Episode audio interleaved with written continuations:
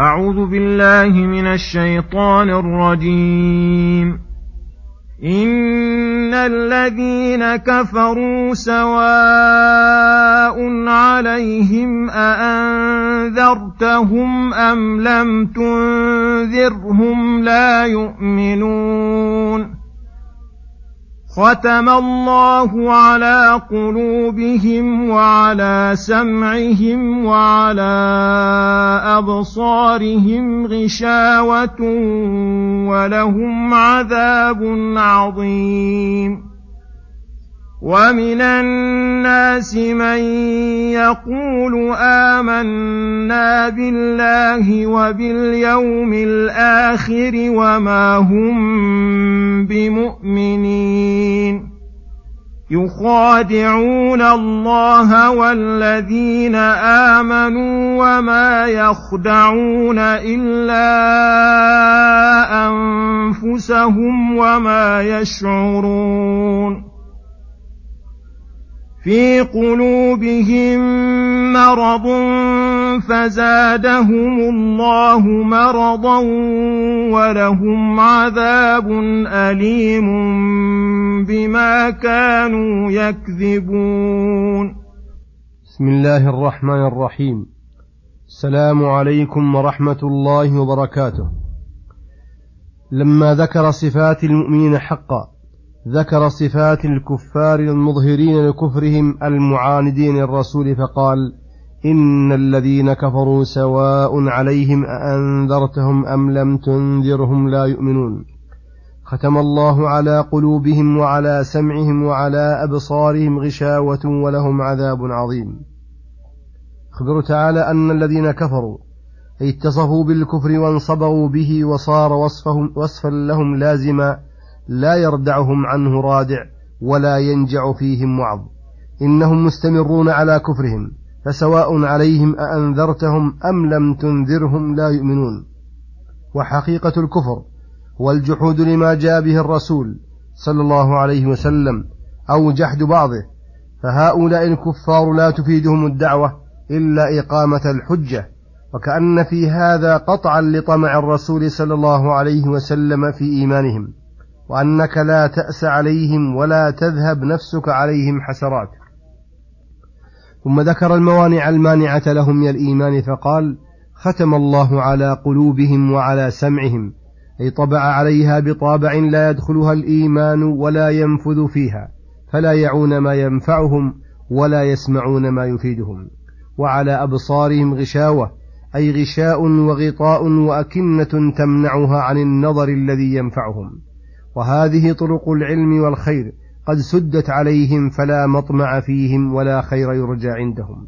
وإنما منعوا ذلك وسدت عنهم أبواب الإيمان بسبب كفرهم وجحودهم ومعاندتهم بعدما تبين لهم الحق كما قال تعالى ونقلب أفئدتهم وأبصارهم كما لم يؤمنوا به أول مرة وهذا عقاب عاجل ثم ذكر العقاب الآجل فقال ولهم عذاب عظيم وهو عذاب النار وسخط الجبار المستمر الدائم. ثم قال تعالى في وصف المنافقين الذين ظاهرهم الإسلام وباطنهم الكفر ومن الناس من يقول آمنا بالله وباليوم الآخر وما هم بمؤمنين. يخادعون الله والذين آمنوا وما يخدعون إلا أنفسهم وما يشعرون. في قلوبهم مرض فزادهم الله مرضا. ولهم عذاب أليم بما كانوا يكذبون. واعلم أن النفاق هو إظهار الخير وإبطان الشر. ويدخل في هذا التعريف النفاق الاعتقادي والنفاق العملي كالذي ذكره النبي صلى الله عليه وسلم في قوله آية المنافق ثلاث إذا حدث كذب وإذا وعد أخلف وإذا اؤتمن خان. وفي رواية وإذا خاصم فجر. وأما النفاق الاعتقادي المخرج عن دائرة الإسلام فهو الذي وصف الله به المنافقين في هذه السورة وغيرها. ولم يكن النفاق موجودا قبل هجرة النبي صلى الله عليه وسلم من مكة إلى المدينة ولا بعد الهجرة حتى كانت وقعة بدر وأظهر الله المؤمنين وأعزهم فذل من في المدينة ممن لم يسلم فأظهر الإسلام بعضهم خوفا ومخادعة. ولتحقن دماؤهم وتسلم أموالهم فكانوا بين أظهر المسلمين في الظاهر أنهم منهم وفي الحقيقة ليسوا منهم. فمن لطف الله بالمؤمنين أن جل أحوالهم ووصفهم بأوصاف يتميزون بها لئلا يغتر بهم المؤمنون ولينقمعوا أيضا عن كثير من فجورهم. وقال تعالى يحذر المنافقون أن تنزل عليهم سورة تنبئهم بما في قلوبهم. فوصفهم الله بأصل النفاق فقال ومن الناس من يقول آمنا بالله وباليوم الآخر وما هم بمؤمنين. فإنهم يقولون بألسنتهم ما ليس في قلوبهم.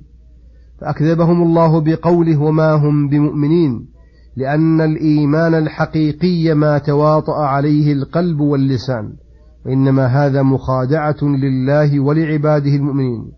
والمخادعة أن يظهر المخادع لمن يخادعه شيئا ويبطن خلافه لكي يتمكن من مقصوده ممن يخادع. فهؤلاء المنافقون سلكوا مع الله وعباده هذا المسلك فعاد خداعهم على أنفسهم. وهذا من العجائب لأن المخادع إما أن ينتج خداعه ويحصل له مقصوده أو يسلم لا له ولا عليه. وهؤلاء عاد خداعهم على أنفسهم وكأنهم يعملون ما يعملون من المكر لإهلاك أنفسهم وإضرارها وكيدها. لأن الله تعالى لا يتضرر بخداعهم شيئا وعباده المؤمنون لا يضرهم كيدهم شيئا فلا يضر, فلا يضر المؤمنين أن أظهر المنافقون الإيمان فسلمت بذلك أموالهم وحقنت دماؤهم وصار كيدهم في نحورهم. وحصل لهم بذلك الخزي والفضيحة في الدنيا والحزن المستمر بسبب, بسبب ما يحصل للمؤمنين من القوة والنصر. بسبب ما يحصل للمؤمنين من القوة والنصرة. ثم في الآخرة لهم العذاب الأليم الموجع المفجع بسبب كذبهم وكفرهم وفجورهم. والحال أنهم من جهلهم وحماقتهم لا يشعرون بذلك. فقوله في قلوبهم مرض المراد بالمرض هنا مرض الشك والشبهات والنفاق. وذلك أن القلب يعرض له مرضان يخرجانه عن صحته واعتداله. مرض الشبهات الباطلة ومرض الشهوات المردية فالكفر والنفاق والشكوك والبدع كلها من مرض الشبهات. والزنا ومحبة الفواحش والمعاصي وفعلها من مرض الشهوات. كما قال تعالى فيطمع الذي في قلبه مرض وهو شهوة الزنا والمعافى من عوفي من هذين المرضين فحصل له اليقين والإيمان والصبر عن كل معصية فرفل في أثواب العافية. وفي قوله عن المنافقين في قلوبهم مرض فزادهم الله مرضا. بيان لحكمته تعالى في تقدير المعاصي على العاصين وأنه بسبب ذنوبهم السابقة يبتليهم بالمعاصي اللاحقة الموجبة لعقوباتها كما قال تعالى ونقلب أفئدتهم وأبصارهم كما لم يؤمنوا به أول مرة وقال تعالى فلما زاغوا أزاغ الله قلوبهم. وقال تعالى وأما الذين في قلوبهم مرض فزادتهم رجسا إلى رجسهم فعقوبة المعصية المعصية بعدها كما أن من ثواب الحسنة الحسنة بعدها. قال تعالى ويزيد الله الذين اهتدوا هدى. وصلى الله وسلم على نبينا محمد وعلى آله وصحبه أجمعين. وإلى الحلقة القادمة غدا إن شاء الله. والسلام عليكم ورحمة الله وبركاته.